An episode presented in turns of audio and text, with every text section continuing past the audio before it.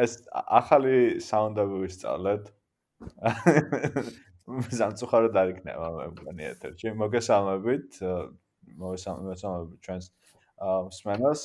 ვიწყებთ წითელი კედლის აა მორიგი ეპიზოდის ჩაწერას.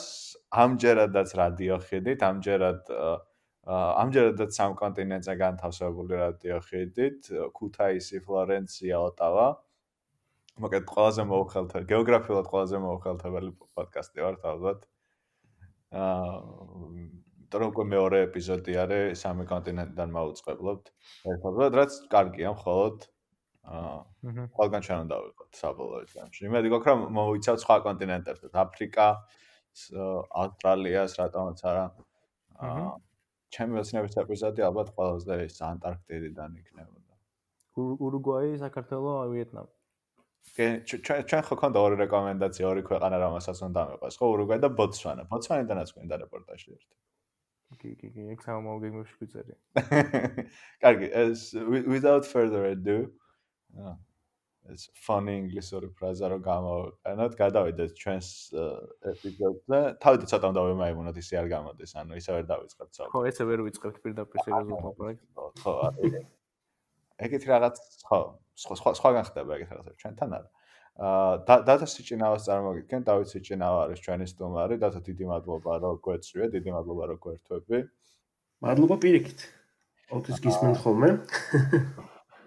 დიდი მადლობა. და ეს ინტერესო პროექტია საერთოდ ჩვენი ეს იქნება ჩვენი მეორე ეპიზოდი არჩევნების სერიიდან. აა იმიტომ რომ ჩვენს პირობა დავდეთ და ჩვენ ძალიან დაინტერესებული ვართ საქართველოს მიმდინარე არჩევნები გავაშუქოთ, უბრალოდ რა თქმა უნდა გავაშუქოთ ჩვენი კუთხიდან, არა ისე როგორც აა ყველა აშუქებს ხოლმე. აა და ვცდილობთ რომ ვისაუბროთ ამ თემაზე, ვისაუბროთ ადამიანებს, ვისთანაც საუბარის და ვის პიკ მოსმენთ ფიქრობ რომ ძალიან საინტერესო და კარგი იქნება. დავითის დავითთან სასაუბროთ აა მივედით მისი ის არის ერთ-ერთი თანაავტორი პროექტის Polster წერტილიჩი, ძალიან საინტერესო პროექტის. აა ქართულ არჩევნებზე, რომელსაც აა გირჩევთ რომ პირველ რიგში გადახედოთ, შემდგომში ნუ მიხვეთ, იმიტომ რომ ხარ ის რაღაცა ძველი არქივები შეგვიძლია მონაცემები შევადაროთ ერთმანეთს, ასე ვთქვათ. აა საერთო თემაც ჩვენი დღევანდელი პოდკასტის იქნება პოლინგი, პოლინგი არჩევნებისთვის, ზოგადად არჩევნებისთვის და კონკრეტულად ამ არჩევნებისთვის. აა ვისაუბრებთ პოლსტერზეც. აა ამ კონკრეტულ პროექტზე და ბევრი შესაძლის garaშე პირდაპირ გადმოვალ დავით ჩვენთან შეკითხვით პოსტერის შესახებ რა არის საერთოდ. პოსტერი თუ შეგიძლია მეთოდოლოგიაზე გითხრა ცოტა და საერთოდ იდეაზე თუ რატომ გადაწყვეტეთ რომ ესეთი რამე შეგექმნათ მოკლედ არის ესეთი კარგი ადამიანი რატიშობლაძე რომ ჩემი მეგობარი და მოკლედ ასევე კოლეგაც ბოლო დრომდე ერთად მუშაობდით. აა მოკლედ ორივეს გვაინტერესებს მოკლედ მონაცემები, აა არჩევნები, რა ორი პრინციპში ჩემი სადოქტორო დისერტაციაც, ну, ჯავახიშულში არჩევნებს შეეხება და რატიც ახლა იცავს თავის დისერტაციას, სწორედ არჩევნებთან დაკავშირებით უფრო. აა და რახან ახლა მეტნაკლებად პროფესიულად გამოკითხებთან ახლოს ვართ, იმიტომ რომ ეს ორგანიზაციაში მუშაობთ, ორივე რომელიც არის ერთ-ერთი ასე ვთქვათ, გამომკითხველი ორგანიზაცია, ანუ პოლსტერი, ზოგადად საქართველოში. აა, ну, პრინციპში დაგვებადა ეს იდეა, რომ რატომ არ უნდა მოუყაროთ თავი ერთად, რაც სხვადასხვა გამოკითხვის შედეგს. ანუ იდეა შეიძლება ახალი იდეა არ არის. ეგრეთ წოდებული პოლინგ აგრეგატორები ბევრგან არსებობს, აი მაგალითად არსებობს წოდებული real real clear politics ეგეთი. აა შეერთებულ შტატებში ყველა ცნობილი ალბათ ნუ ეს 538 არის Nate Silver-ი. Nate Silver-ის?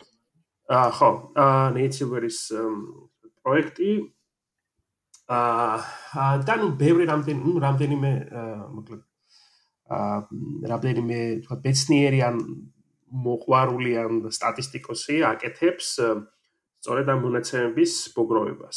ეხლა ანუ რა არის ზოგადად ამ forecasting-ის იდეა, ხო? ანუ საარჩევნო პროგნოზირების იდეა. ეს არის, ну, აქამდე არსებულ აა, თქვა, გამოკითხვის მონაცემებზე დაყრდნობით, აა, თქვა, გამოკითხვის მონაცემებს ვიყენებთ ნედლ მონაცემებად გამიყენება ესენი და შემდეგ ასე ვთქვათ სტატისტიკური მოდელირების საშუალებით უკვე აა აა ეს ეგრეთ წოდებული ფორკასტერები აა ცდილობენ ვთქვათ გამოიცნონ რა შეიძლება რა შედეგი შეიძლება დადგეს არჩევნებზე მაგალითად ну აა და საინტერესო ის არის რომ ეს უკვე მსგავსი მიდგომა მეინსტრიმული მედიის ნაწილიც გახდა მაგალითად აა 538 towards the ABC როარ დიდი კორპორაცია, მედია კორპორაცია მაგის ნაწილი გახდა.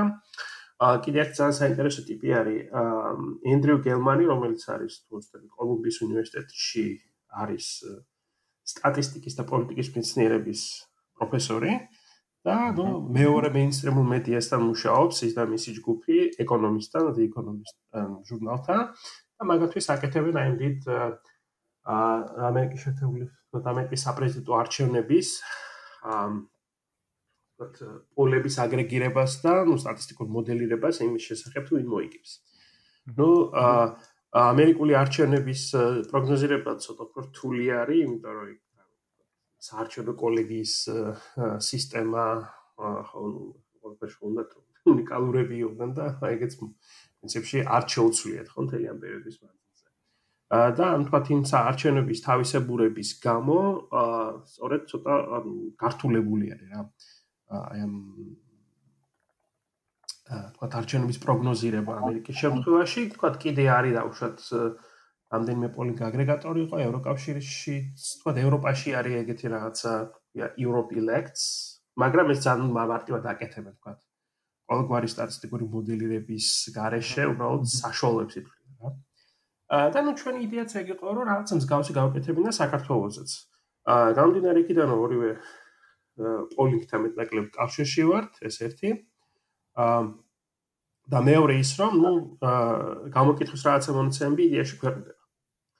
აა და ნუ დავიწყეთ მოგროვება პირველად გავაკეთეთ 2018 წლის არჩევნებისთვის, აი საპრეზიდენტო არჩევნებისთვის. აა აა თქვა გქონდა ორი მოდელი, ჯერ თქვა შევაგროვეთ მონაცემები, აა ვაკვირდებოდით მედიაში რა ინფორმაცია ვრცელდებოდა ამ პოლებთან დაკავშირებით, ну ძირითადად შეზღუდული რაოდენობა აკეთებს ამას, არის ორი დიდი საერთაშორისო ორგანიზაცია NDI და IRI, რომლებიც აკეთებენ გამოკითხვებს, სადაც სხვა კითხვებთან ერთად ასევე არის არტიულ პოლიტიკურ პრეფერენციებზე კითხვებიც ეს ერთი.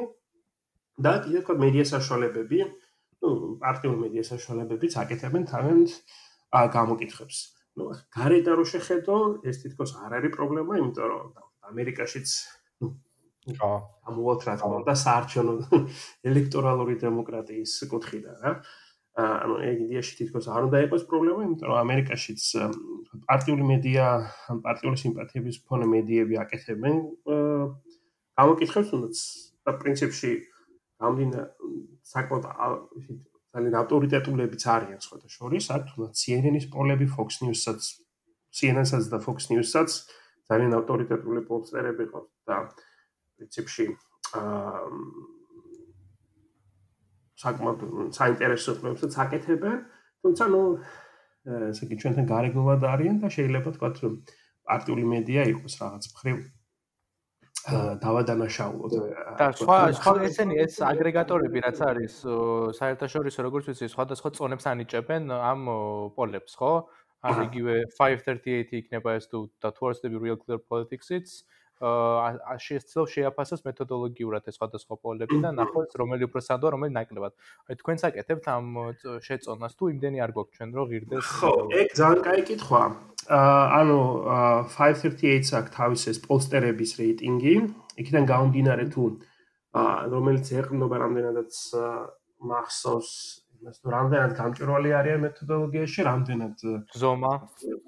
ხო, შენ შერჩევის ზომაც, ვთქვათ, რა ფორმით არის ჩატარებული, ამაგალითად ეგრეთ წოდებული polls არ შედის ამაში, უნდა იყოს ვთქვათ, ეგრეთ წოდებული probability based sample, ანუ ალბათობაზე დაფუძნებული შერჩევა, რათა ანუ ესე იგი მათემატიკური მათემატიკურმა კანონებმა იმუშაონ, რომელიც წარმომადგენლობითობას უზრუნველყოფს. აა და თქვა კიდე იქ არის გამჭვირვალობა გამოკითხვის შედეგებისა და მეთოდოლოგიისა, რამდენად კარგად არის აღწერილი, მაგალითად CNN-ის პოლ პოლ პოლსო შეხედო, თქვა საიძე კიდევს რაც მოკლე აღწერა, ხო, ასე და ასე ხდება, მაგრამ თქვა იქ ყოველთვის ბმულში არის აა ბმული არის მითითებული, ეგრეთ წოდებული top line კითხვარზე, სადაც არის დეტალურად აღწერილი რა შერჩევა გაკეთდა, რომელი იყო თქვა ორგანიზაცია, რომელიც აველის სამუშაოს ასრულებდა კითხვის ფორმულირება, გადასვლები იყო თუ არა ეგრეთ წოდებული რენდომიზაცია და ნედლი და შეწონილი პროპორცია პროცენტებიც არის მოცემული მოკლედ. ჩვენ სამწუხაროდ აი შენ თქვას რომ დაუბრუნდე, ჩვენ სამწუხაროდ ამდენი აა თქვა ამდენი გამოკითხვა არ გვაქვს. აა რათა ის თქვა რეიტინგები აა თქვა გავაკეთოთ და მაგის მიხედვით მივანიჭოთ წონები. აა აა თუმცა იდეაში ჩვენ ვცდილობთ რომ ნუ მაქსიმალურად ყველაფერი ჩავინიშნოთ რაც პოლთან აკავშირებით არსებობს. ნუ საქართველოს ეს სფერო ძირითადად ნაკლებად რეგულირებადია და თავად ორგანიზაციების ასე ვთქვათ კეთილსინდისიერებაზეა დამოკიდებული რამდენად მეტ ინფორმაციას აა გაავრცელებენ მაგალითად NDI, რომელსაც NDI-ის გამოკითხვა, რომელსაც უკეთებს რომელიც გამოკითხვასაც აკეთებს CRS-ის ორგანიზაციასაც და რატიბო დრომდე მუშაობდა აა იქ თქვა NDI ციანად ეგრეთ წოდებული მიკრომონაცემებს დებს ანუ იქ გამოკითხვის მონაცემთა ბაზა არის და მე შეგიძლია პრინციპში გაანალიზო და იქ რა არის მითითებული ყველაფერი. თქვა თავშოთ IRI შემთხვევაში ისინი საკმაოდ გამჭვირვალე არიან მეთოდოლოგიაში მაგრამ ეს იმ პრეზენტაციის სლაიდებში არის მოკლედ ჩაწერილი ეს მეთოდოლოგია. და ისე აი წინა თქვენი წინა 2018 წლის მოდელმა რა შედეგი აჩვენა ხო? იმიტომ რომ იგივე ეს ხომ თავარი ისა ხო? საზომი იგივე ეს ნეიცილორი იმით გახდა ცნობილი ჯერ კიდე რაღაცა კოლეჯის სტუდენტი იყო რომ უკვე ძალიან მაღალი სიზუსტის მოდელი ხო მაღალი სიზუსტის მოდელებს ქმნიდა ჯერ კიდე კოლეჯიდან და. თქვენ როგორი შედეგი გქონდა 2018 წელს? მაყოფილი ხართ თქვენი მოდელებით თუ არა აა მოკლედ ახლა 2018 2018-ში ასეთი აა პრინციპში მე ჩვენ მეტაკლებად მაყოფილი ვართ ამითი. აა აა ერთადერთი თქვა ის პრობლემა, ანუ რა პრობლემა შეიძლება დადგეს ცირე რაოდენობის გამოკითხების გათვალისწინებით. აი ჩვენ 2018 წლის პირველ ესე იგი პირველი ტურის შედეგებში ასევე გავითვალისწინეთ exit poll-ის შედეგებიც. აა ნუ სანამხმები დაითვლებოდა, ნუ მაშინ განვაახლეთ ეს შედეგები. აა ამ და იქ იყო ასეთი exit poll-ი ფსიქოპროექტის ასეთი ორგანიზაციის ა რომელიც ნუ საკმაოდ ასე ვთქვათ ამ რეალურად საკმაოდ გადაწია ასე ვთქვათ ჩვენი შედეგები იმისკენ რომ მოიგებდა პირველი ტური აა სხვათა შორის პირველივე ტურში არა, უბრალოდ იყო აა მოკლედ დიდი სხვაობა იყო აა ზურაბიშვილსა და ვაშაძეს შორის. იყო 35, 27 და 18 იყო ბაქრაძეს. ანუ ეს ხო, ну, რატომ მოხდა, რატომ გამოვიდა ფსიქოპროექტ ასეთ მონაცემი, მართლა გითხრა, არ ვიცით. აა თუმცა ეგ მე შემდეგ დავინტერესდით უბრალოდ და ნახეთ რა გამოვიდა და ასე ვთქვათ ფსიქოპროექტის შედეგების გარეშე და ნუ პრინციპში გამოვიდა 36 ზურაბიშვილი 35 ვაშაძე და 12 აა ბაქრაძე რაც ნუ მეტნაკლებად ნუ ახლოს იყო შედეგებთან. ჩვენ ვიყენებთ ორ მეთოდს აქა ერთი არის ეგრეთ წოდებული ნუ შეპოლების შედეგების გასაშვალოების მოდელი ანუ ეს მოდელი რთული აქ არაფერია ეს ეგრეთ წოდებული აა მოკლედ გვაქვს მონაცემები, ხო? გამოკითხვის შედეგები და ასე ვითვალისწინებთ, რამდენად ახალი არის ეს გამოკითხვა, ეს გამბინარი იმ დაშვებით, რომ ნუ ესე იგი დღევანდელთან ახლოს ჩატარებული გამოკითხვა უფრო კარგად ასახავს თუ რა ხდება სიტუაციას, ხო? აა და შესაბამისად, ნუ უფრო ახალ გამოკითხებს უფრო მეტი წონა ენიჭება და უფრო ძველ გამოკითხებს უფრო დაბალი წონა ენიჭება. აქან გამომდინარე, ნუ და ხდება ამ თქო ეგრეთ წოდებული შეწონილი საშუალოს გამოთქვა. ნუ რაც ან მათემატიკურ მათემატიკური ფორმულა არის. აა და თქვენ მეორე მოდელი არის უკვე ამ არჩევნების შედეგების სიმულირება, ეგრეთ წოდებული ბაიესური სტატისტიკური მოდელის მეშვეობით. ან მარტივად რო ვთქვათ, ეს პროგრამა აა ატარებს ასე 2000 არჩევნებს, ან 4000 არჩევნებს, სიმულაციას ახდენს სპეციალური ალგორითმის მეშვეობით და შემდეგ ვიღებთ აი ვთქვათ გვაქვს ეს ეგრეთ წოდებული 2000 არჩევნების შედეგი, ხო? ვიღებთ მედიანურ მნიშვნელობებს, ანუ შუა მნიშვნელობებს, რაც საშუალებას გვაძლევს ვიმსჯელოთ იმაზე, თუ დაახლოებით როგორ არის განაწილებული ეს შედეგები რა, ანუ რომელი იქნება ყველაზე ახლოს პროგრამის აზრით რეალობასთან. აა, სწორედ ამიტომ ვაჩვენებთ, აი დავუშვათ ჩვენ ჩატებსაც რომ შევხედოთ, ხო? აქ არის ეს განაწილების დიაგრამები გვაქვს, ხო? რაც რაც არის თქვა უფრო ვიწრო მედიანურ მნიშვნელობასთან და ნუ ვამბობთ რომ დაახლოებით ეგ მაჩვენებელი უნდა იყოს. და რა შეიძლება ბარემ თქვა, იგი ბარემ თქვა ისე არა პროგნოზი. აი ამ ეტაპზე და თუ აპირებთ რომ და ისა დააპდეიტოთ კიდე მომავალში თუ გამოვა. ხო, მოკლედ ხო. ეხლა რას ვაპირებთ ამარჩენებისთვის, როგორც ვუყურებთ აქ უფრო აა გაცილებით მეტი გამოკითხვის შედეგი გვაქვს. აი გავრცელდა, პრინციპ ჩვენ 2000 ყველაზე ძველი ამ ჩვენს ბაზაში. არტიულ კუთვნილებებთან აა კუთვნილების შესახებ დასმული კითხვებიდან მოდის 2016 წელს, ანუ პრინციპში 2016 წლის საპარლამენტო არჩევნების შემდგომ რა გამოკითხვის ჩატარდა, ნუ ის ყველაფერი გვაქვს შეგროვებული. დაახლოებით არის 35 სხვადასხვა გამოკითხვა ამ პერიოდში. მაგრამ რა თქმა უნდა, ნუ ძველ გამოკითხვას მხოლოდ დიდი ზონა არის.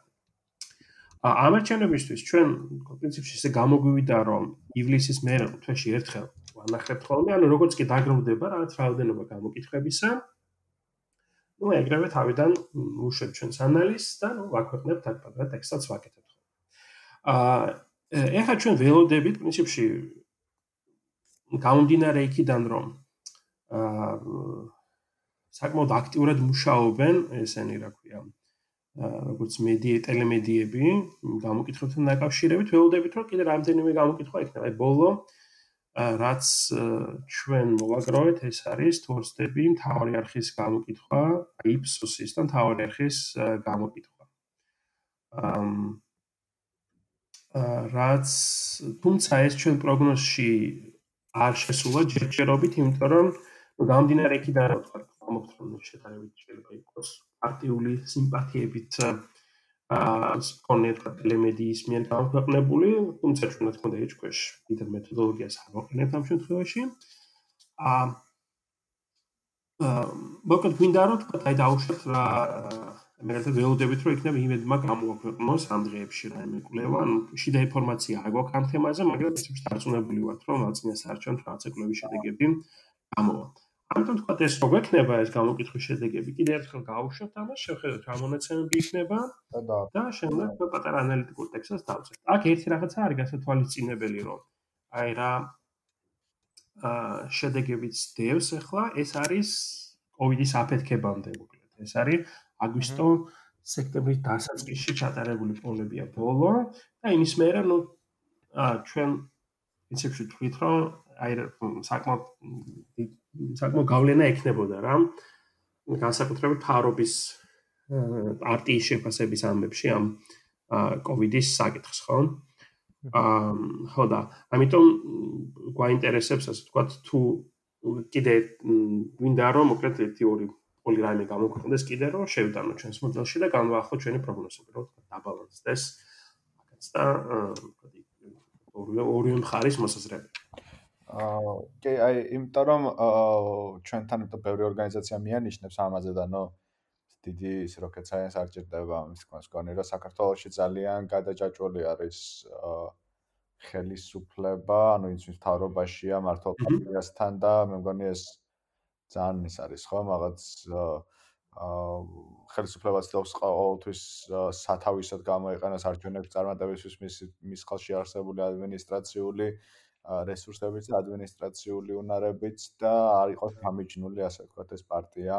ამ ესე თუნდაც იგივე მუნიციპალური ან თუნდაც იგივე საერთო მთავრობისგან და ამიტომ ხო ამიტომ ალბათ ამ ყველაფერს გავლენები გავლენა შემდგომში პოლინგზეც აქვს, ხო? ანუ მეთოდოლოგიის შემთხვევა, როგორ მეთოდოლოგიაც არ უნდა იყოს, ანუ კითხვებიდან გამომდინარე აა მიეწერება, ასე ვთქვათ, კარგიც და ცუდიც, რა თქმა უნდა, იმ პერიოდში არსებული ხელისუფლების პარტიას, რომელიც რომელსაც ის წარმოადგენს შემდგომში პარლამენტში, ხო?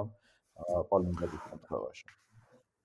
აა ხო, ანუ აა რა თქმა უნდა, ну, თუ ხა ისევ იმ აა ელექტორალური დემოკრატიის ჰიპოთეზიდან გამოვარ, ხო, სადაც ნუ რაღაც ეს იგი პოლიტიკ პოლიტიკურ ძალებს შორის არის შეთანხმება, რომ ასე იგი არჩევნების გზით უცხოეთ ჩვენი კონკურენციის საკითხს, ხო? აა ნუ აი ამ მაგ კუთხით ესე იგი ვთქვათ ნუ საქართველოს უფრო რაც ჰიბრიდულ რეჟიმად შეიძლება ჩაითვალოს, ხო? ნუ ჰიბრიდული რეჟიმი პოლიტიკის მეცნიერებაში არის ესეთი აგება რომ ეს არის არც დემოკრატია და არც ავტოკრატია არა სადღაც შუაში. ბატონო სადღაც შუაში ხო სადღაც შუაში. ნუ რომელიც იყენებს რომელსაც აქვს დემოკრატიის ნაირი ინსტიტუტები აა მათ შორის არჩევნებიც მაგრამ ნუ სხვა რაც კუთხით ეს ავტოკრატიასაც ემსგავსება ნუ არჩევნები პრინციპში ჩვენთან არის ალბათ ის ერთ-ერთი ინსტიტუტი, რომელიც უფრო რაც დემოკრატიას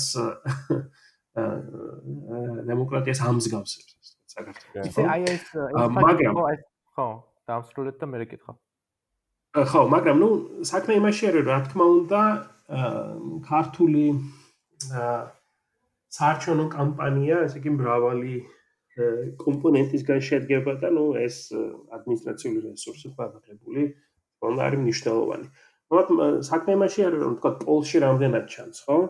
აა ჩემი ერთ კოლეგას პატრა სტატიაც ქონდა ამასთან დაკავშირებით აა სადაც პრინციპში აი გამოკითხვის შედეგების მიხედვით აჩვენებდა რომ მიუხედავად ანუ უკეთ აა ესე იგი ეს მარტივად რა თქვა ერთმანეთს შეადარა ეს ადამიანები რომ ეს რომ მუშაობენ საჯარო სფეროში საჯარო სექტორში და ისინი რომლებიც არ მუშაობენ საჯაროს სხვა სფეროში არიან დასაქმებული ხო? იდმე წარმე და რაც შემდეგ.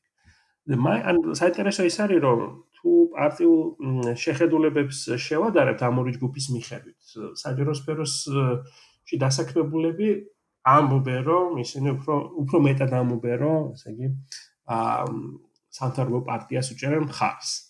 ა ანუ ეგ ანუ მე არ ამ შემთხვევაში რა თქმა უნდა პოლინგის თელი უბედურება ის არის რომ ჩვენ შეიძლება ცოტა გაგვიჭირდეს თქვა რატო ამობს ამას ხალხი?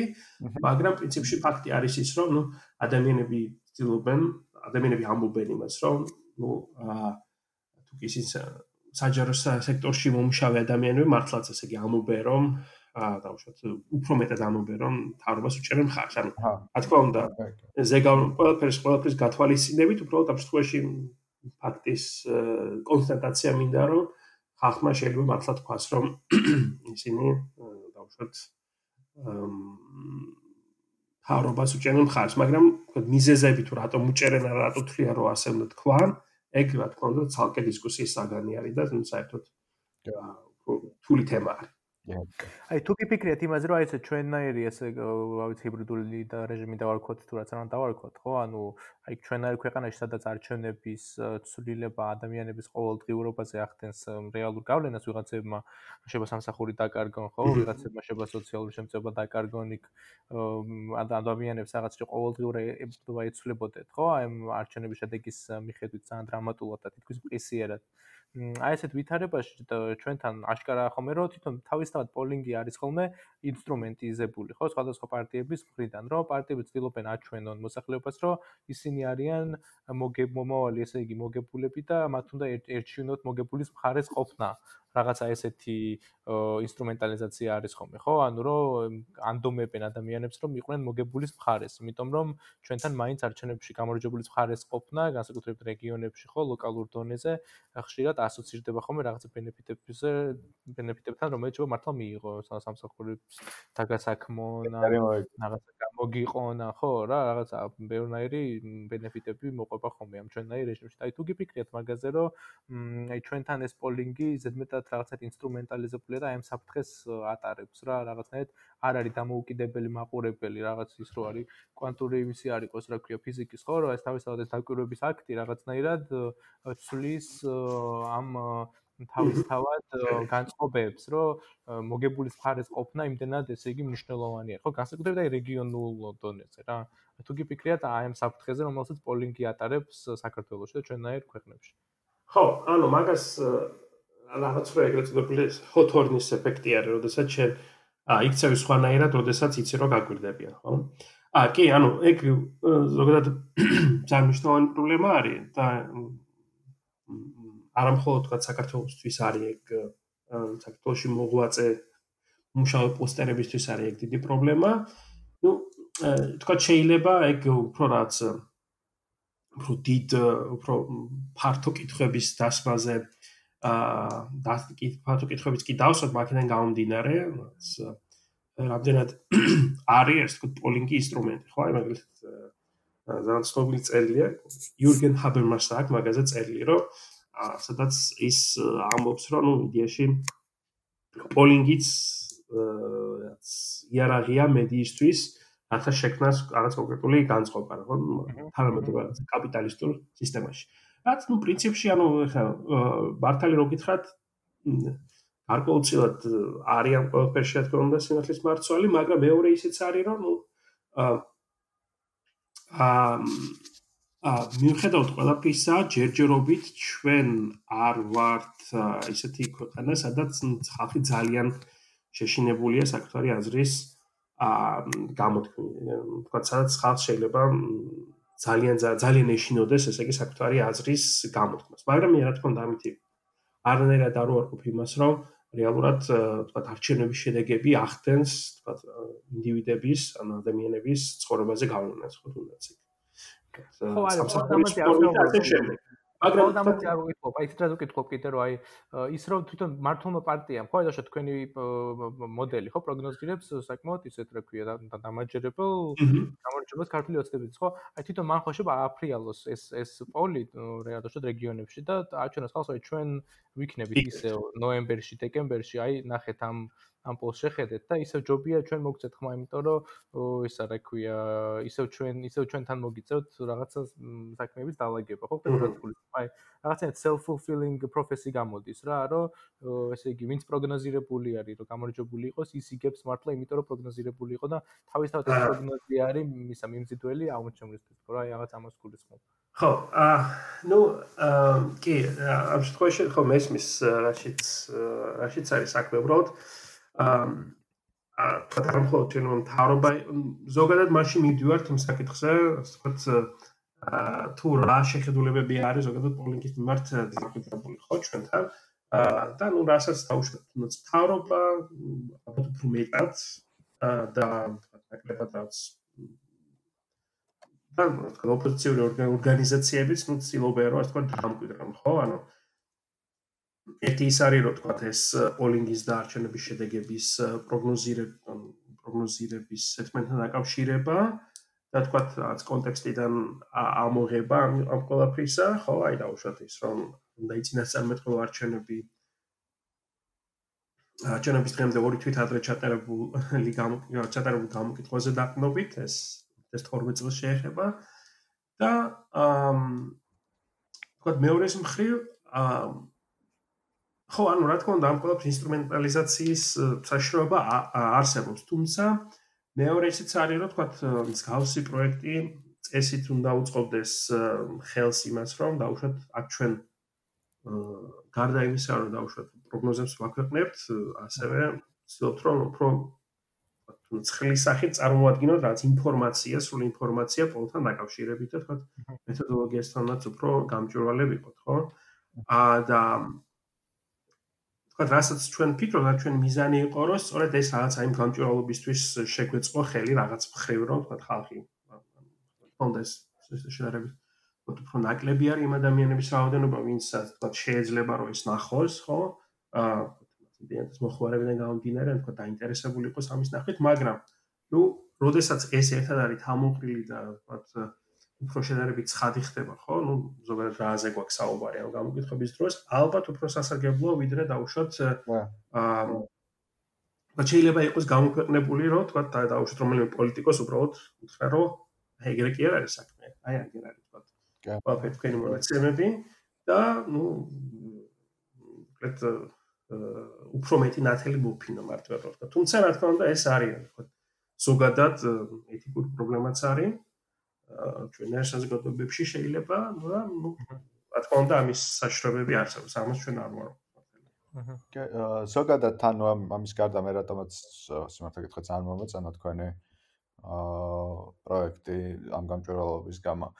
საერთოდ მეგობრებო ჩვენ სპანალის აა სპანალის მინდა და მე თქვა რომ კარგი პოლინგი, კარგი პოლსტერი არის ესე ვთქვათ ამ ელექტორალურ პოლიტიკაში დისკუსიისთვის ძალიან მნიშვნელოვანი რამე, იმიტომ რომ პოლიტიკის ანალიზისთვის, საერთოდ ამ პარტიული პოლიტიკის ანალიზისთვის უფრო სწორად, ну, რაც მხოლოდ ერთი ნაწილია, ხო, ამ ყველაფრის ძალიან მნიშვნელოვანია რომ კონდეს რო ანუ და მონაცემები, დაუმუშავებელი მონაცემები, მათ შორის რიცხვები, რომელზეც უნდა დავიწყოთ კომენტირება, რომლის ანალიზის უნდა დავიწყოთ, რომელზეც ასე ვთქვათ, დასკვნები უნდა გამოვიტანოთ და ასე შემდეგ, ხო?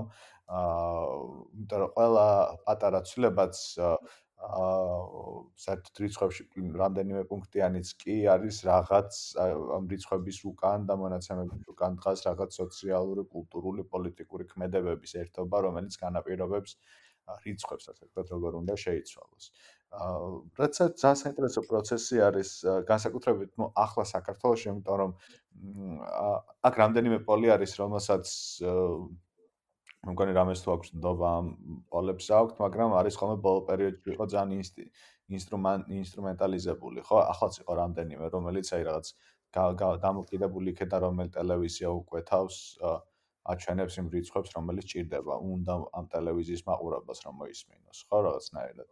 აა ეს რაღაცები ალბათ ყოველთვის მოხდება, მაგრამ აა მაგრამ ამ ყველაფრის მიუხედავად, ანუ საბოლოო ჯამში ძირითადად ხედავთ მართლა ისეთ ცურას პროგნოზებზე ფიქრობ, რომ გადავიდეთ ეტაპზე თუ შუალ დრას გვეუბნება პოლინგი, ხო? აა პოსტერი. აა ხედავთ დაახლოებით ისეთ ცურას, რასაც მე მგონი ყველა ველით ვერ გეტყვით ეს აა კარგია თუ ცუდი, ალბათ უფრო არ ვიცი, მე როგორც წინა საარჩევნოებისაც მქონდა, ჩვენ ვიწყებთ საერთო სახალხო ფრუსტრაციას და ამჩვენებას ისე მივაწვევები, მაგრამ რას გვეუბნება პოლსტერი არის, რომ საერთო შეჯამებით არის ქართული ოცნება, საკმაოდ დამაჯერებლად იგებს, ხო, მაგ 53% არის ახლა ბოლო მონაცემით. აა ნუ ეს 53% იქნება თუ არა, 40%-იან ჩამკეტ ბარიერს მაინც აა გადალახავთ. ხედავთ ხო? აი რა აა ამ ყველაფერს როგორ შეჯერდა ეს მონაცემი რომ გითხრა? ალბათ დავით აი თვითონ ამ უშუალოდ მონაცემებზე აა რომ ვიმსჯელოთ და რა რა რა პროგნოზებს გვეუბნება ახლა ამ შეჯამებით პოსტერი რომ გავშალოთ საბოლოოდ. კი ბატონო, ანუ აა კიდე ერთხელ ვამბობ რომ აქ რა პოლებიც გვიდევს რა გამოკითხებიც გამოყენებული ეს არის ყველაფერი ჩატარებული. აა ბოლო თარიღი არის, გეტყვი ახლავე, ეს არის მოკლედ აგვისტოს ბოლო არის, ანუ ზუსტად იქამდე სანამ მოკლედ კოვიდის დიდი აფეთქება იქნება. კი, კი. და შეიძლება სხვა შორის ამის შემდეგ რა, ანუ ასევე თქვენ საიტზე ერთ-ერთი ბოდიში გაგაწყვეტინა ერთ-ერთი ნახე ძალიან საინტერესო რაღაც ეს 17 აგვისტოს და 13 ივლისის ამ ძველი პროგნოზებიც რა გვაქვს და შეგვიძლია შევადაროთ ერთმანეთს, ამიტომ აი შემდეგი აპდეიტის შემდეგაც ამის შედარება ძალიან საინტერესო იქნება, კი. ხო, ანუ ეგაც ის არის, რომ თქვა გამჭრალობის ამბავი არის, რომ ბარემ გვინდა რომ იტოს, თქვა ჩვენსაც საინტერესო იქნება, როგორ განსხვავდებოდა დაუშვათ ამ პერიოდებში ეს შეფასებები, ხო? ივლისს რო შეხედო, ნუ იქ აა ნუ გამდინარე, თქვა თუნდაც იქიდან რომ როგორ უპასუხა თავრობამ პანდემიას ხო ნუ ხმა ისეთი იყო რომ ნუ რეალურად დადებითი გამოხმაურება ჰქონდა ხალხში და ამან ამ თქვა როგორ იყო რომ შეფეთული ეგეც ცალკე თემა არის დისკუსიის მაგრამ მოკლედ რო ვთქვათ, ამან იმოქმედა რა საზოგადოების განწყობებს. თუმცა რაც ეხლა სიტუაცია გვაქვს, ანუ ეხანდელი სიტუაცია იყოს ეს არის ეგრეთ წოდებული პრეანტე, ანუ სანამ მოხდებოდა ეს კოვიდის გავრცელება.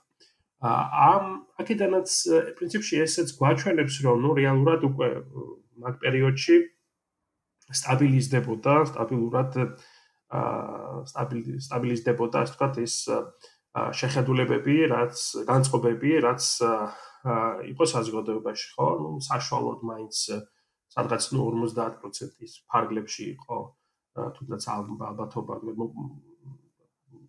დიდი შანსი იყო იმისა, რომ ჩავკეტი ბარიერი მარტივად გადა გადა გადაეკვეთა მართლ პარტიას და ნუ მე ვთქვა ეს კონდეს მაჟორიტარების მაჟორიტარებით უკვე მარტივად შეძლებდა უმრავლესობის მოპოვებას, ხო, ნუ სისტემიდან გამომდინარე. აა, მაგრამ, ნუ მოკლედ ალბათ ამ შემთხვევაში ჩვენი ამ კონკრეტული არჩევნების თავი თავისებურება არის ის, რომ ეს ბარიერი არის არა 50%, არამედ 40%, ხო? ანუ თავი ის კი არ არის, ასე ვთქვათ. ცოტა დამაბნეველი არის ხო თქო. ხო, ცოტა დამაბნეველი არის, ჩვენ მეც გამიკვირდა მართლა ხე მაშინ პილოტ რომ ნახე რომ ეგეთ რაღაც მოიფიქრეს, ნუ ეს იყო რა, მაგრამ რა თქმა უნდა ეს იყო ალბათ რაღაცა ტიპის დათხოვა იმაზე, რომ ყოფილიყო მაჟორიტარული სისტემა და მაჟორიტარულ სისტემაზე იყო გათქვა, რომ იქ მაქსიმალურად მოიგებენ და მე სადღაც 91-დან 90 მანდატამდე აიღებენ და ეგ საკმარისი არის, ასე ვთქვათ, აა უმრავლესობის დასაკომპლექტებლად. ანუ და პრინციპში აგვისტოს ბოლოს აა შედეგები, აგვისტოს ბოლოს მდგომარეობით სწორედ მაგითკენ მიდიოდა საქმე, რომ უმარტივესად გადალახავდა 40%-იან ბარიერს აა ოცნება და ნუ მე ასე თქვა მაჟორიტარებიც იყო ჩაკ. თუმცა ეხლა ამ კონკრეტულად ეხლა რა ხდება? აა ჩვენ თქვა კი გვაქვს ორი გამოკითხვის შედეგი, მაგრამ ეს ორივე გამოკითხვა მოდის თავარი თავარის იფსოსის და თავარის გამოკითხვის შედეგები და და კიდე გვინდა რომ იქნებ თუნდაც ანიმედმა გამოაქვეყნოს რამე, აგროს თავი ვერმა გამოაქვეყნოს რამე, რაც იქნება, ასე ვთქვათ, ეროვნული დონის გამოკითხვა, რათა გონია რომ ეს, ასე ვთქვათ, რაღაცნაირად დააბალანსებს ერთმანეთს და უფრო სრული სურათი გვექნება იმასთან დაკავშირებით, თუ რა განწყობები არის. მაგრამ მე ამ შემთხვევაში მაინც გონია რომ, ვთქვათ, სწორედ კოვიდის გამო შეიძლება ცოტა დაბლა აა შეიძლება იყოს თქვათ წასული რეიტინგი იმისი რა ქვია მართველი ძალის თუმცა მაინც ესე იგი აქ უკვე დადგება სწორედ ამ 40%-ის გადალახვა არ გადალახვის აა საკითხი. ქვემოთ წავიდეს შეზღუდვების არაპოპულარობის გამო? აა მე არა იცი რა არის ანუ შეზღუდვებთან დაკავშირებით მგონი ეს უფრო შეზღუდვებს არ უკავშირდება ეს უფრო უკავშირდება ა თუნდაც ან დაავადების გავრცელებას რა. ანუ კომპლექსური ის არის რა. ანუ გამდინარე იქიდან თუ როგორ ანუ თუნდაც იმის გაყოლება იქიდან გამდინარე რომ თუნდაც ამ პირველი ასე ვთქვათ დიდი პანიკის უმკინელოდ გადატანა მოახდინა შედარებით უმკინელოდ ხო? თუნდაც ამ დაავადებულების მცირე რაოდენობის და გარდაცვალების მცირე რაოდენობის ფორმით მე მგონია რომ ამან დამ საკოთ ანგერული ქმედებები იყო თავრობის ხრიდან ამას დაუკარგავ ხო ამ ყოველ შემთხვევაში ეგრე ეგრე ჩანდა გარედან ხო? აა მაინც გონია რომ ამან დიდად იმოქმედა აა თქვა დადებით რეიტინგზე თავრობისას მაგრამ როგორც კი ეს თქვა ეს სადავეები რეალურად პანდემიის ეპიდემიის მართვის სადავეები გაიქცათ ხელიდან ხო? აა მაინც გონია რომ სავარაუდოდ სწორედ ეს იყო ის ფაქტორი, რამაც შეიძლება გამოიწვიოს თქვა რეიტინგის დაღმა წასვლა. არა თქო შეზღუდვები იმდენად არ ხო, საფრთხე არა შეზღუდვებზე ლაპარაკო, არამედ თავად ის რომ ნუ სამდე ადამიანი არის ამჟამად ინფიცირებული და ნუ 60 ადამიანი აი გაიქცა რა რა მაინტერესებს კიდე? აი ეხლა რახან ესე იგი ხა ნუ უკვე ვახსენეთ რომ დასავლეთში დიდი ხანია ეს აპრობირებული ესე უკვე მეინსტრიმში დიდი ხანია შემოსული არის პოლინგი არა მარტო წინასაარჩევნო პოლინგი არამედ ზოგადად რო თქვა უფრო ფართო ჭრილში ეს იგი მონაცემ მონაცემზე დაფუძნებული კამპანიები, მონაცემთა ანალიზზე დაფუძნებული კამპანიები, პოლიტიკის დაგეგმვა, განწყობების კლევის მიხედვით, ხო? ეს აი მაგალითად ჰილარი კლინტონის კამპანია არ გავიხსენოთ, ხო? ამერიკაში რომელიც ითვლება, რომ მომაც აი ეს ჟანრი აიყვანა რაღაცა თავის ყველაზე მაღალ ნიშნულზე და ყველაფერი იგეგმებოდა რაღაცა მონაცემთა ანალიზის საფუძველზე და ესე იგი მისი კამპანიის მაღალ ეშელონებში სულ იყვნენ ესე იგი მონაცემთა ანალიტიკოსები და ასე შემდეგ და ასე შემდეგ და იგივე ხდება ბრიტანეთში, საფრანგეთში ბევრგან და ჩვენთან ახლა რაღაცნაირად შემოდის ეს განწყობების კვლევა. მე გამიგია რომ რამდენიმე პოლიტიკოსი აქ საკმაოდ ბევრ ფულს ხარჯავს ამ მონაცემთა ანალიზში, იგივე on ციფრული განწყობების კვლევებში და ასე შემდეგ და ხო, მაგალითად გიორგი ვაშაძეა და სხვაებიც და ესე გამიგია რომ ის იმას აქვია, ანუ აკვეთ მე მგონი დრო არის რომ ისაუბროთ ამის რაღაც ნეგატიურ მხარეებზე თუ არა, კრიტიკული პერსპექტივები შემოვიტანოთ, ხო, იგივე მონაცემებზე დაფუძნებული კამპანიების, ხო, და ერთ-ერთი რაც არის, ხო, არის ის, რომ პოლიტიკა როგორც მორგება არსებული განწყობების, ხო? ანუ ეს მონაცემები გაჩვენებს არსებულ განწყობებს, იგივე ფოკუს ჯგუფებით და ესე იგი ესეთი მეთოდებით, ანუ რა რა არის, რა რაა კაიფოლინგი რა, ესეთი კითხვა რო ისმება ხოლმე პოლიტიკაში, ხო? და მონაცემთა ანალიზი ხა ამ კითხვის ემპირიულად დასმის საშუალებას გვაძლევს და რიცხობრივად ამის დასმის საშუალებას გვაძლევს, რაც პოლიტიკოსებს ესე იგი უბიძგებს იმისკენ, რომ ამ განწყობებს მოერგონ უპრეცედენტოდ ემპირიულად რა, რომ ეს შავი თეთრზე წეროთ თითქოს რა რა განწყობები არსებობს და მეორე კამპანიები მოარგონ კიდევ მაქსიმალური ესე იგი სიზუსტით არსებულ განწყობებს, ხო? რაც შეიძლება მათთვის იყოს პრაქტიკული, მაგრამ უნდა ჩვენ დავფიქრდეთ ალბათ იმაზე, რას უშვება ეს პოლიტიკას, ხო? ანუ სად არის აქ ტრადიციული პოლიტიკის როლი, ხო? სად არის გადარწმუნების როლი, ხო? ანუ თუ პოლიტიკა მორგება არის, მაშინ რა რა დაემართა იმ ბავშვად არაპოპულარულ ესე იგი კამპანიებს ან რაღაცა ისეთის გაკეთებას, ან რაღაც ისეთი მესეჯის გავრცელებას, რომელიც აუცილებლად მონაცემზე კი არ დაფუძნებული პრინციპებზე არის დაფუძნებული. ხო, იმიტომ კი არ ამბობ, რომ ამას კაი პოლინგი აქვს, ან იმიტომ კი არ არამედ იმიტომ, რომ ესეთი პრინციპის გარშემო ხართ გაერთიანებული ესა თუ ის პოლიტიკური გუნდი, ხო? აი რაღაცა აი აი ეს კრიტიკული პერსპექტივის გაჟღერების დროც მგონია, რომ მოდის ამ პოლების შემოსვლასთან ერთად რა.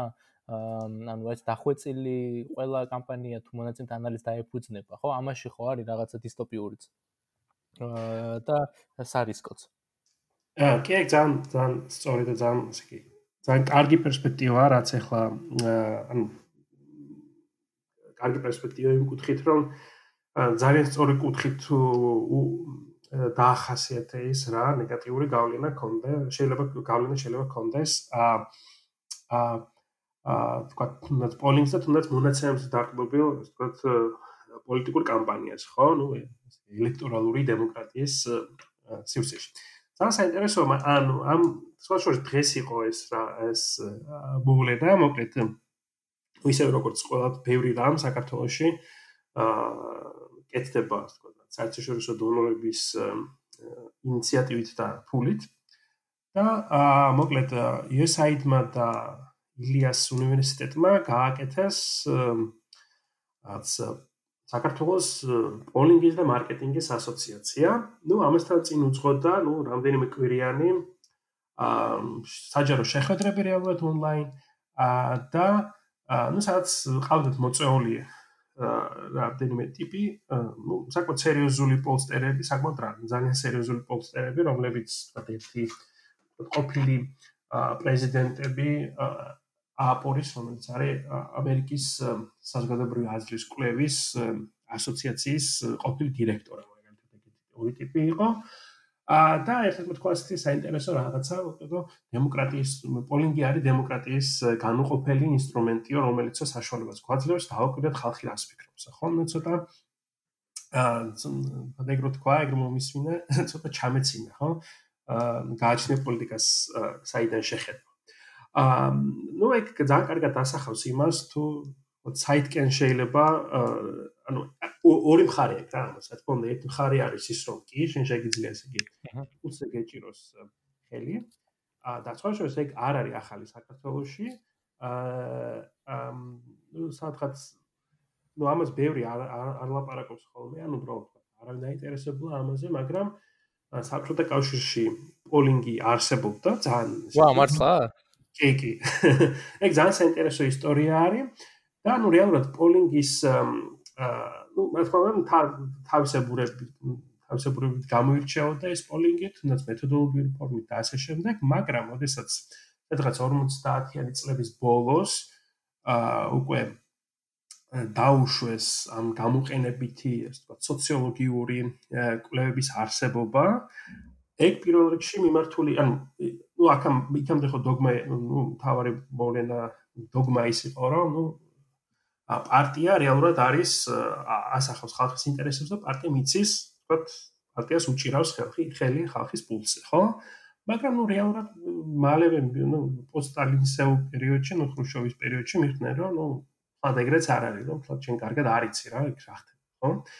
და თუნდაც ეს ინსტიტუტი გამოყენებითი სოციოლოგიური კვლევების ინსტიტუტი, რომელიც მოსკოვში მასში შეიქმნა, აა სწორედ და ბევრი მსგავსი ტიპის ინსტიტუტი არსებობდა სწორედ აი აგიტპროპის დეპარტამენტებთან, თუნდაც თქო მსხვილ რაც რესპუბლიკურ პარტიის მსხვილ რესპუბლიკურ საქალაქო ორგანიზაციებთან. აა და მათ შორის საქართველოსიც იყო. სხვა შორის აი ერთი კარგი სტატია მე ალბათ ღირს რომ თქვათ იქ მაგას გადავხედოთ.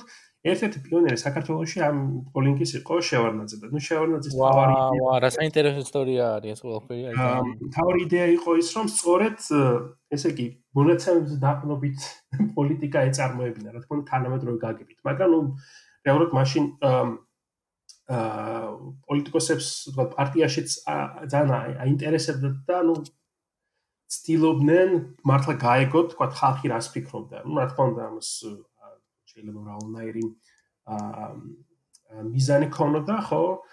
მაგრამ საქმე იმაში არის რომ თქვა ეს არახალი არის რა მარტივად რო თქვა.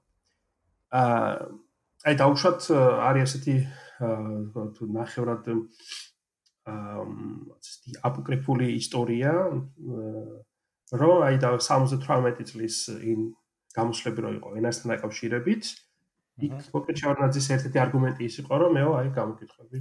კითხე მოკლედ მოსახლეობასო. აა გამოკითხვა ჩავატარეო და მოკლედ ხალხი ამბობს რომ გვინდა რომ ენა იყოს სახელმწიფო ენის სტატუსი იყოს განსაზღვრული კონსტიტუციაში მოკლედ ეს გამოკითხვა იყო მისი ერთ-ერთი არგუმენტი. აა მოგეთ ჩემს საყვარელი ისტორია სტუდენტებს უყვები ხოლმე როცა გამოკითხებს ხსნით ლექციაზე და რაც შეეხება ასე თქვა უარყოფით მხარებს რა თქმა უნდა ну აქ ალბათ უფრო დიდი აა პრობლემა არის მაინც უფრო თქვა მეტად ეთიკური პრობლემა არის მაინც ეს დიდი მონაცემების და თქვა და ონლაინ აქტივობის და თქვა მსგავსი მონაცემების გამოყენება სწორედ პოლინგში ხო? თუნდაც ეს Cambridge Analytica-ს თელი სკანდალი სწორედ მაგისკენ არის მიმართული, რომ ეს AIS უფრო ასე ვთქვათ ასახავს რაღაც პანოპტიკონის სიტუაციას, ხო? ანუ შენ რეალურად არც გეკითხებიან ისე ვთქვათ ითვლიან თუ რა არის შენი ასე ვთქვათ პოლიტიკური შეხედულებები ან მოსაზრებები, მაშინ შესაძაც ანუ პოლინგს გააჩნია რა ეს რაღაც უფრო მეტი ადამიანური განზომილება, ხო? ანუ ვიღაც გირეკავს, ანუ ვიღაც მოდი შენთან და გეკითხება, რაღაც კითხებს ეკითხება, ხო? ანუ იდეაში აა თქვა თუნდაც ჩემ დაახლოებით 10 წელი არის ამ საქმეს მეტეკლებად ვაკეთებ და ბევრია თქვა რაც რასაც ხვდები თუნდაც რესპონდენტებთან საუბრისას, ხო ანუ ეს არ არის რომ მე სადღაც ვზივარ და რომ მონაცემი მომდის, თქვა მე ჩამტარებია რაღაც ინტერვიუები და თქვა ამ თემაზეც მიმშავია. არის ის რომ ადამიანები რაღაც მხრივ დადებითად არიან განწყობილები იმ კუთხით, რომ ვიღაცა მათ აზრს ეკითხება.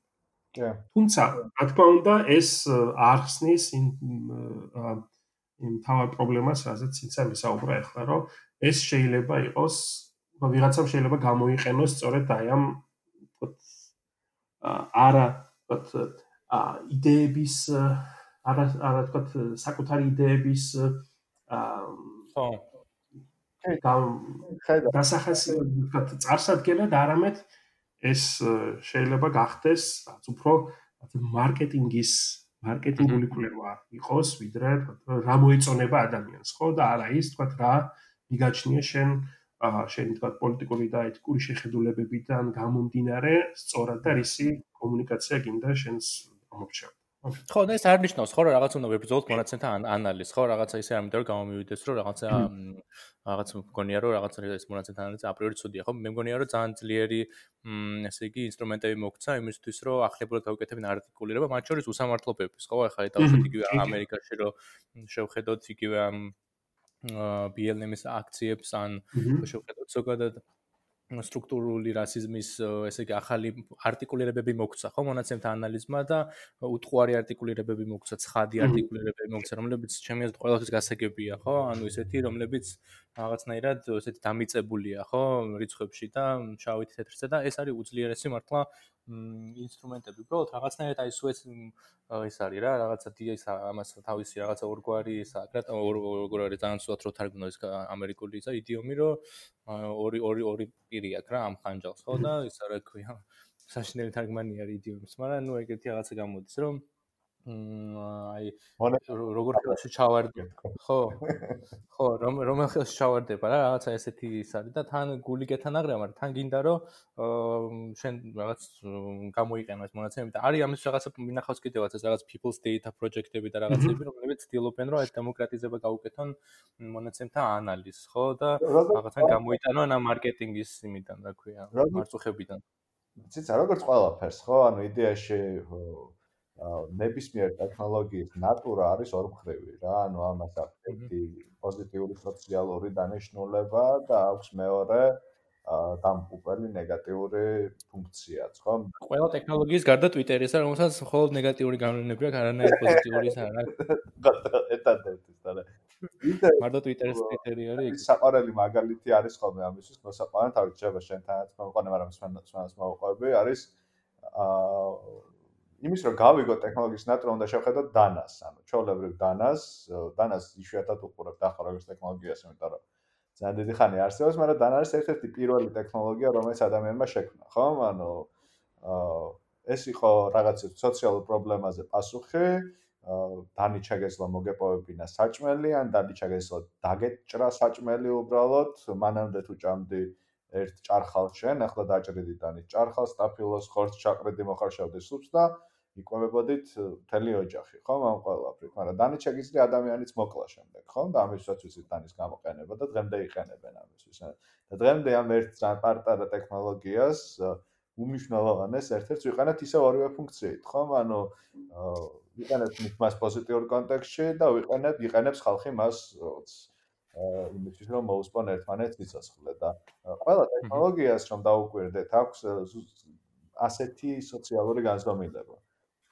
ეს იქნება რაც სასახები ტექნოლოგია თუ ეს იქნება ასე ვქოთ მონაცემები, ხო?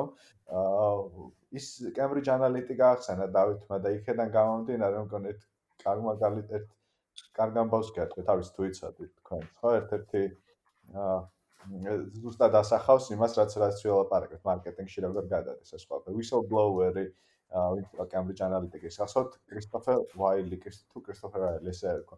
აა ვარდისფერტმიანი ახალგაზრდა ბიჭი იყო. კი, კი. კი, ხო, ანუ ეს იყო whistleblower-ი, რომელმაც გახეთქა Cambridge Analytica-ს ამბავი, რომელმაც მოგვიყვა იმის შესახებ, თავის ფუნქციის შესახებ და იყო რა, ხო, ეს polling-ზე დაყნობით, მისი საქმე იყო დაეჯგუფებინა ინტერესები ადამიანების პოლებთან, ხო?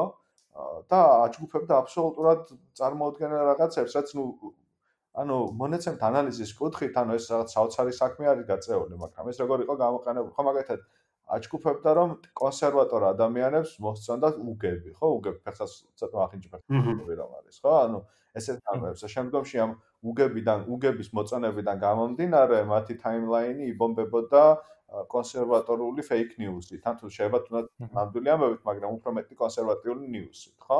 თუ ალგორითმი ხდება რომ უგემოვნო ხალხი არის და შეუძლია რესპუბლიკური ისინი შესთავაზოს. იცი რა საკეთებს ახლა კრისტოფერ რაილი თუ აილი რაც ერქვა. ეს whistleblower-ი სამსახური რა არის, იცი ახლა? რა არის? H&M-ის senior analyst-ი არის. ხო, აა საშორს ანუ აა საერთო რეალობას დაუბრუნდებით ერთ-ერთი თქვა ის კარგი data ნუკლეის მონაცემთა ინჟინერი ქართველი აი ეგეთ ევროპულ ევროპის რომელიღაცა მოკლედ მსხვილ ასე ონლაინ ტანსაცმლის რიტეილერში არის ზუსტად მონაცემ და ინჟინერი. კი, ერთ-ერთი ის არის, ხო, ეს ონლაინ ეს აა რიტეილ შოპინგი და სხვა შორის მემარცხენე ჯგუფების აა დასავლეთში უფრო მეტად, იმიტომ რომ ჩვენ ჯერ ესეთ პრობლემების ვის აქვს ძალიან ერთ-ერთი მთავარი სამბიზნე ხომ არის? აა fast fashion-ი ხომ და კი, ანუ ერთ-ერთი მთავარი სამბიზნეა, იმიტომ რომ აა არის ეს არის ალბათ გვიანი კაპიტალიზმის ყველაზე ესე საბოლოო ეტაპის გასხმა ეს H&M-ის გარებას. ასაც აკეთებენ. აა ხო ეს მონაცემზე დაყრდნობით ადამიანის ესთეტიკური პორტრეტების შექმნა, ხომ? ანუ აა როგორ უნდა წახვიდე სამსახურში მაგალითად. და ეს არის აბსოლუტურად სტანდარტიზებული ყველა სოციალური შემთხვევისთვის შენი თავი წარმოქმნილი პოსტერებზე უბრალოდ და ამ ყველაფრის ძალიან სწრაფი წარმოება ტანსაცმლის, რომელიც ნუ აზიანებს გარემოს პირველ რიგში, რომელიც ათასობით ადამიანს ამყოფებს მონუშრომით პირობებში დასავლეთის მიღმა და ეს შრომით პირობები და ეს საქართველოსაც ეხება რა თქმა უნდა საქართველოში არის ესეთი ფაბრიკები რამდენიმე ხო? ჩვენ ამაზე ჩვენ ამაზე ეპიზოდიც გვაქვს მომზადებული რა ხდება სამკერვალო ფაბრიკებში საქართველოში ხო? და ხო, ანუ ეს არის რაღაც ისეთი ეს ალბათ ეს ონლაინ რიტეილი H&M-ი, Zara, Topshop-ი არის მაგალითი იმის, როგორ შეიძლება, ასე ვთქვათ, სრულიად სხვა სხვა მიმართულებით გამოვიყენოთ ეს პოლინგისგან მიღებული დეიტა, მათ შორის პოლიტიკური პოლინგისგან, მაგრამ მეორე რიცხვი ძალიან გჭირდება ესეთი რამე, ხო? ანუ გჭირდება საქართველოს ძალიან გჭირდება აქტუალური პოლიტიკური დისკუსია ხოლმე, რაც შეიძლება ჩემი აზრით. აა ზოგადად სხვა კონტექსტში შეიძლება მეც ბევრი скеპტიციზმი მქონდეს, მაგრამ აა ერთ-ერთი რაც ყველაზე მეტად ახლა ვფიქრობ, რომ გჭირდება პოლიტიკაზე დისკუსიისთვის, არის ეს hard data, ანუ მყარი რიცხვები ხოლმე. აჰა. იმიტომ რომ ჩვენთან პოლიტიკაზე დისკუსია არის აი ზედმეტად ეფემერული, ხშირად ეს ეს ხდება. აჰა. ანუ ზედმეტად არაფერზე დაფუძნებული რა, ხო ხტები აი რომ ხალხს ეს უნდა, ხალხს ეს უნდა, ანუ ანუ ხალხს კითხე ჯერ რა უნდა, ხო? ხო, და ეს ხალხს რაუნდაზე მაქა ეს კითხვა ჩვენთან აი ძალიან ეს რო არის, რა ქვია და აბოთ ჩვენ ძალიან კაის ნომერკოს ამაზე ალაპარაკოთ. აი ეს ხალხის განწყობები რო არ ხომ განსაკუთრებით ჩვენ კონტექსტში აი ეს ქსენოფობიური განწყობების ესენი რო არ ხომ გამოკითხები, რომ საქართველოში რაღაც 60% არის სურვებდა გეი მეზობელს. ხო ხო გინახავთ გამოკითხები, რომლითაც ამყარებენ ხოლმე წარმოდგენებს საქართველოს მოსახლეობის დიდ უმრავლესობაზე, როგორც ჰომოფობიურად განწყობილზე, ან ქსენოფობიურად განწყობილზე, რაღაც ან რასისტულად განწყობილზე, სექსისტულად განწყობილზე, ხო? და ხშირ შემთხვევაში რაღაცა უცნაური ისინი არის ხოლმე, რა ქვია, მე რაც მინახიათ მეთოდოლოგიები, ხანდახან ესეთ კითხები არის ხოლმე, რომ ესე იგი კითხვა არის, რომ ვის არის ურობდი მეზობლად და მე ჩამონათვალი არის ესეც გეი, კრიმინალი, ისა ესა და ანუ ის ვარიანტი არ არის რომ თქვა რომ ვინც გინდა ის იყოს რა, ანუ არჩევანი გაქვს ქსენოფობი გამო ქსენოფ გრაფიკი და რომ გამოხდა ხო?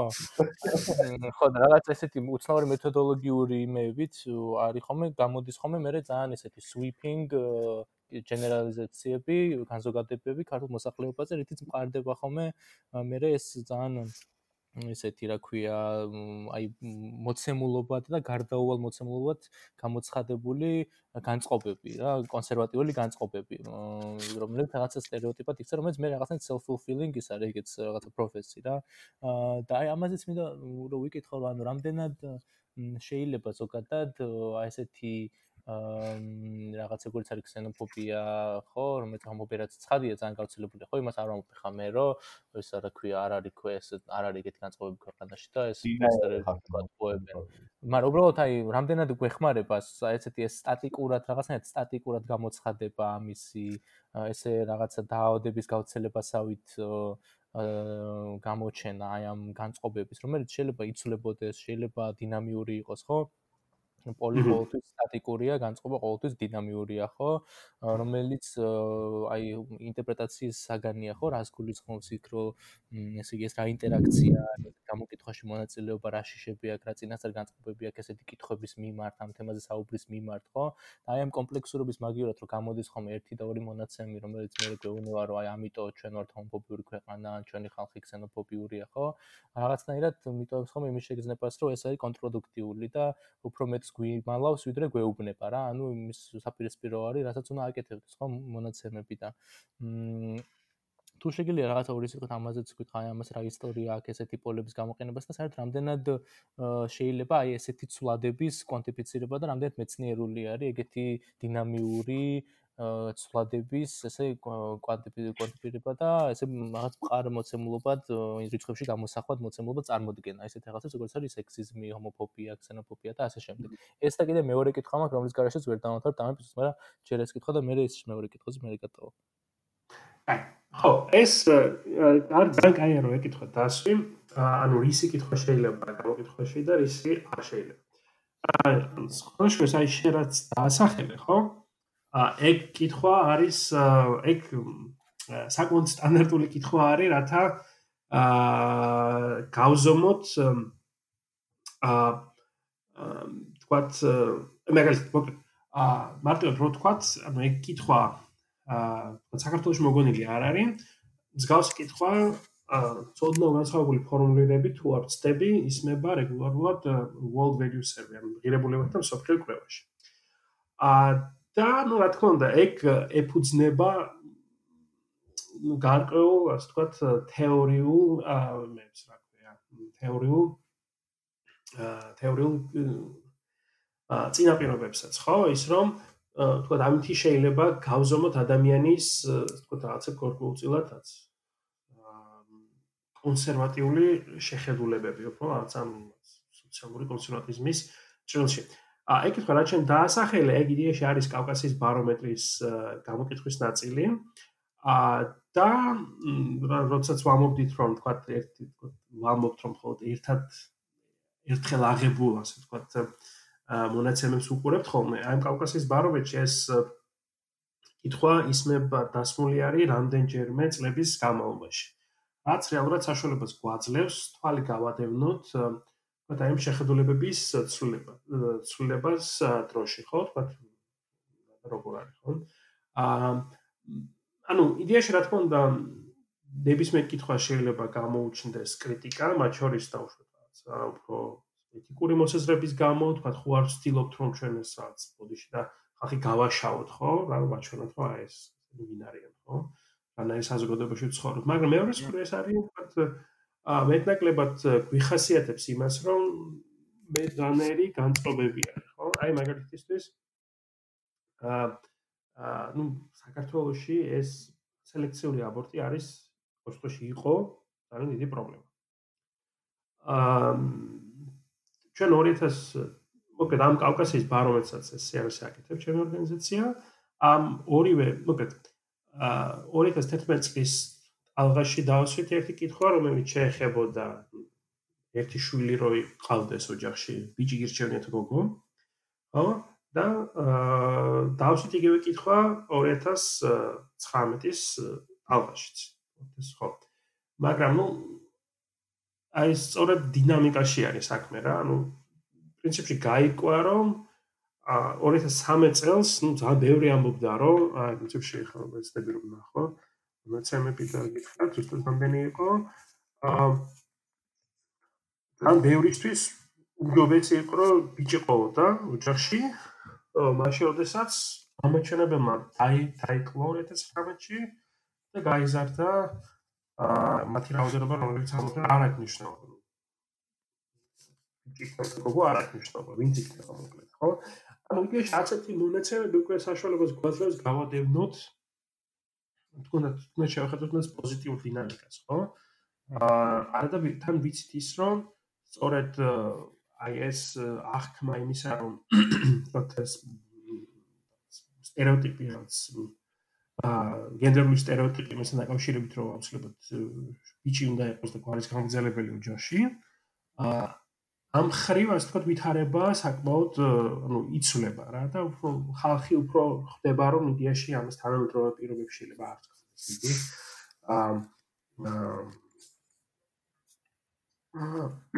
დიდი მნიშვნელობა ხო? აი 19-ში 60-60% აქვს რა მნიშვნელობა. აა და 2010-ში ამბობდა რომ იყო ну 44% ამბობდა რომ აქ ნიშნობა რა. აა მოკლედ აი ასეთი ტიპის მონაცემები უკვე საშუალო მოკლედ რატომ არის საჭირო რომ ხონდეს ბევრი მონაცემი, რათა უკვე გავიგოთ თუნდაც ამ ჩვენი საზოგადოება. აა როგორია და ხალხი რას ფიქრობს, ხო? ანუ ეს არც საზოგადოებრივი აზრი, არც ღირებულებები, ხო? ეს არ არის ასე ვთქვათ სტატიკური რა, აა ეს არის უფრო დინამიური რა, რაც აჰა. ნუ იცვლება პრინციპში თუნდაც ეს კავკასიის ბარომეტრის მონაცემით ამას აა აჩვენებს, ხო? რაც მიმღებელი იყო 2010 წელს, შეიძლება ძალიან მისაღები იყოს 2019 წელს. აა და ყველაზე ისეთი საინტერესო ის არის, რომ ამას ამ რაღაცას ხედავთ საკუთარი თვალით. აა და შესაბამისად, მოკლედ, ანუ ჩემი პოზიცია არის ის, რომ ნუ თუ რამე თუ რაღაცა არ არღვევს ეთიკის პრინციპებს და თქვა არის არის ეთიკური ფორმით, თქვა შეფასების რაღაც საშუალებები, წოდებული ინსტიტუციური რევიუ არსებობს ასეთი რაღაცა. აა მე არ მგონია რომ დავუშვათ მოსახლეობის მოსაზრებების გაგება აა ცუდი არის. აა რა თქმა უნდა, ყველაფერს ჭირდება ეთიკური ფორმით ფორმულირება და ამის გათვალისწინება, მაგრამ ეს საკითხები, რასაც ვიკვლევთ, შეიძლება იყოს ძალიან სენსიტიური საკითხებიც და ისეთი საკითხებიც, რისი შეიძლება რა ვიცი, ხმამაღლა თქვაც. ცოტა ისეთი იყოს საჭოჭმანო, როგორც იტყვიან, მაგრამ ნუ პრინციპში ეს ვართ, რაც ვართ, მოკლედ. ეს არის ჩვენი საზოგადოება და ალბათ საინტერესო არის იმის ნახვაც თუ ხალხი რას ფიქრობს, ხო? ან დაუშვათ რა. შეიძლება 10 წლის წინ აა LGBT ადამიანებისადმი დამოკიდებულება იყო, ყოფილიყო რაც. ცუდი, ძალიან ცუდი და ეხლა ეს მდგომა ეს შეხედულებები შეიძლება იცვლებოდეს. ну, მაგრამ რა თქმა უნდა, იმედია რომ კარგისკენ, ანუ უფრო დადებითისკენ იცვლება, თუმცა ისიც რომ იმის დანახვაც რომ შეიძლება რაღაცა უარესობისკენ იცვლებოდეს, თუნდაც აქტივისტებს, ანიმე ადამიანებს, რომლებსაც თუნდაც რომ რაღაცები შეცვალონ, შეიძლება სწორედ ეს იყოს რაღაც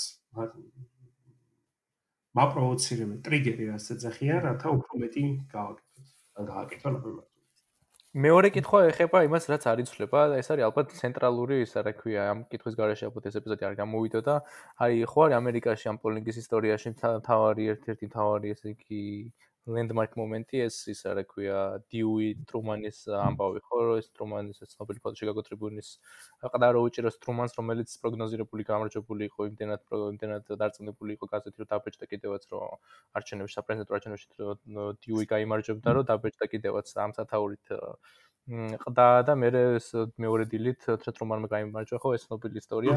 ჩვენთან ესეთი პარადიგმული ამბავი როგორც მე ვხვდები და როგორც მე ვხედავ არის ეს დავით ბაქრაძის ფენომენი, რომელზეც ავაცილოთ უნდა დავასვათ კითხვა, რომ ეს ეს ფენომენი, რომ დავით ბაქრაძე ყოველთვის ყველაზე მაღალი ნდობით სარგებლობს და ამ ეს არიცვლება რაღაცა ბოლო 15 წელი არის თუ 20 წელი არის, ხო? რაღაცა აი ყველაფერი შეიცვალა პლანეტაზე, აა რა ვიცი და მაგრამ რაც არის ხო, დავით ბაქრაძის მაღალი რეიტინგის გარდა, მაღალი ნდობის გარდა და ეს მე მგონი უკვე ესეთი რაღაც ესეთი ფენომენი არის რომ უკვე რაღაც აკადემიურადაც საინტერესო უნდა იყოს სტატისტიკური მეცნიერებისთვის და რაღაცასთან გვაქვს საქმე აკაშკარად რაც საინტერესო არის ხო? და რა ამბავი არის? აი მე ვფიქრობ რომ რა რაღაცა შეიძლება მოუძებნოთ ამას ხო? რა რატო შეიძლება ესეთი აუთლაიერი არსებობდეს სტატისტიკაში და ჩემი ყველაზე ესე იგი რეალური ვერსია ეს არის რომ მგონია რომ ესე იგი ამ გამოკითხებში ადამიანები რო ესე იგი სულ რო უწევთ ამ ნეგატიური ნეგატიური ნეგატიური განწყობის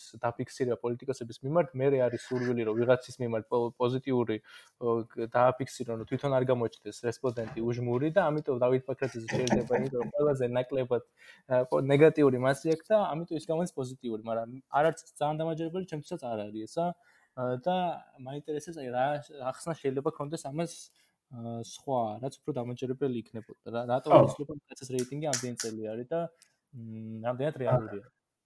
ხო, ეგ ეგ ძალიან კაი კითხვა არის, ანუ ეგ ჩემთვისაც ხუმრობის ერთ-ერთი ის არის, რა ქვია, ერთ-ერთი სახუმარო თემა არის. ცოტა უფრო ადრე იყო აა ქრისტიან დემოკრატების ამორჩევლები 2008 წლიდან 2012 წლამდე სანამ ეს გიორგი თარგავაძის პოლიტიკაში მეორე მოსვლის პირველი მოსვლა ხო აღორძინების დროს იყო. აბაშეთის დროს. ოპენ მე არ გამოდის მეორად მოსვლის დროს. ანუ ეგეც ეგეთი მოგეთ მარტივად რო ვთქვათ არც ბაქრაძე ბაქრაძეც და გიორგი თარგამაძე ანუ ორივე ერთ და იგივე ფენომენია რა ჩემი აზრით. ანუ ორივე ერთნაირი ტიპი არის არც ღვინო არც წყალი. ანუ ისეთი არც საკუთარ გამოსვლებში გამ გამოიჩევიან რაღაცა დიდი რადიკალიზმით რაღაც მოახერხეს მოახერხეს და მედიაც მათ მეტნაკლებად ნეიტრალურად აა ასე ვთქვათ ახასიათებს, ხო? აი დაუშვათ ახლა თუნდაც ის ბაქრაძის თანაპარტიელი ბოკერია რო ავიღოთ, ну არავის არ უყვარს, ხო? თუნდაც იმის გამო, საუბრის გამო, რა იდეებიც აქვს, ხო? ან აა არადა თქვა დაუშვათ ბაქრაძეც იმ ასე ვთქვათ პოლიტიკური ძალის ნაწილი იყო, ხო? და უფრო შეიძლება მნიშვნელოვანი უფრო მნიშვნელოვანი თანამდებობაც ქონდა ფურცელს. ან ეს თავმჯდომარეობა არ არის პატარა. აა და მოკლედ ანუ ასე რომ შევხედოთ, ხო? ანუ აქ თვითონ მონაცემებსაც აა უნდა დაუკვირდეთ თავშოთ რა ფორმით არის, ხო? ანუ ერთი კვლევა, რომელიც გამოქვეყნდა, იყო უბრალოდ ერთარჩევნიანი კითხვა. აა და სადაც უბრალოდ კითხეს, რომ თქვა რომელი პოლიტიკოსი მოწონთ. და ახლა 15%-მა თქვა მარტო რომ მოწონს ბაქრაძე, და მსხვების აა სხვების დაბალი მოწონების ფონზე ეს გამოჩნდა ძალიან ბევრი. ანუ რა თქმა უნდა ხა აა კითხვის ფორმ შეიძლება თქვა სწორიც არ იყო ეგრე დასვა, მაგრამ ნუ ეგ იყო რაც იყო, ნუ აჩვენებდა იმას, რომ ნუ მეტნაკლებად ახალხი ამ ამას ეს ტიპი გაახსენდათ, რომ ნუ არის რა არც ისე რაც არა უშავს. არა, არა უშავს რა, ანუ ნეგატიური არ გაახსენდა, არც პოზიტიური არ გაახსენდა. ანუ ეგ არის პარადოქსი, რომ ანუ ისე აუთლაიერი არის, იმიტომ რომ არაფრით არ არის გამორჩეული რა, ანუ გამორჩეული არის, იმიტომ რომ არაფერი არ გამოარჩევს. კი, აი ზუსტად ეგეთი. ხო, მაგრამ ნუ საქმე საქმეზე რომ მიდგება, მაგალითად 100% არჩევნებზე, მართლა მოსახლეობის 10% მისცემს ხვას. ხო, მაგრამ ნუ ეგეთი ტიპებს, რა თქმა უნდა, აქვთ იმისი პოტენციალიც ალბათ, რომ თუნდაც მაგ იმიჯის გამტკიცე ეს იმიჯი გამოიყენონ, ეს თქვათ აა თქვათ პოლიტიკური დივიდენდის მისაღებად, ხო? ანუ თუ ტიპია ყველაზე საკუთარ ხარდაჭერით არა და ვთქვათ დიდი ანტიპათიით არსაგებლობს საზოგადოებაში და ხალხიც მეტნაკლებად იცნობს, ну, რა ვიცი, ახლა ბაქრატის ადგილზე მაგას რაღაცნაირად გამოვიყენებდი, მაგრამ ну, როგორც ჩანს, საქმეც ვთქვათ კითხვის ას კითხვაზე პასუხი ერთ-ერთი პასუხიც ეგ არის, რომ ვთქვათ მაგაზე შორს ვერ მიდის.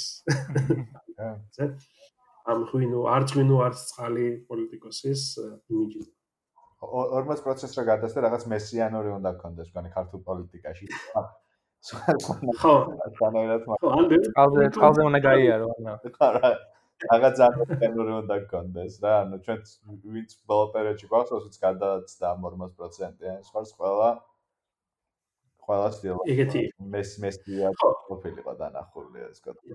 წყალი 10%-ს მოგიტანს კი. კი. და ერთ ერთ რაღაცას დავუმატებ და აღარ გავაგზავნებ მე აღარ იმას აღარ მოგაწმენთ თავს.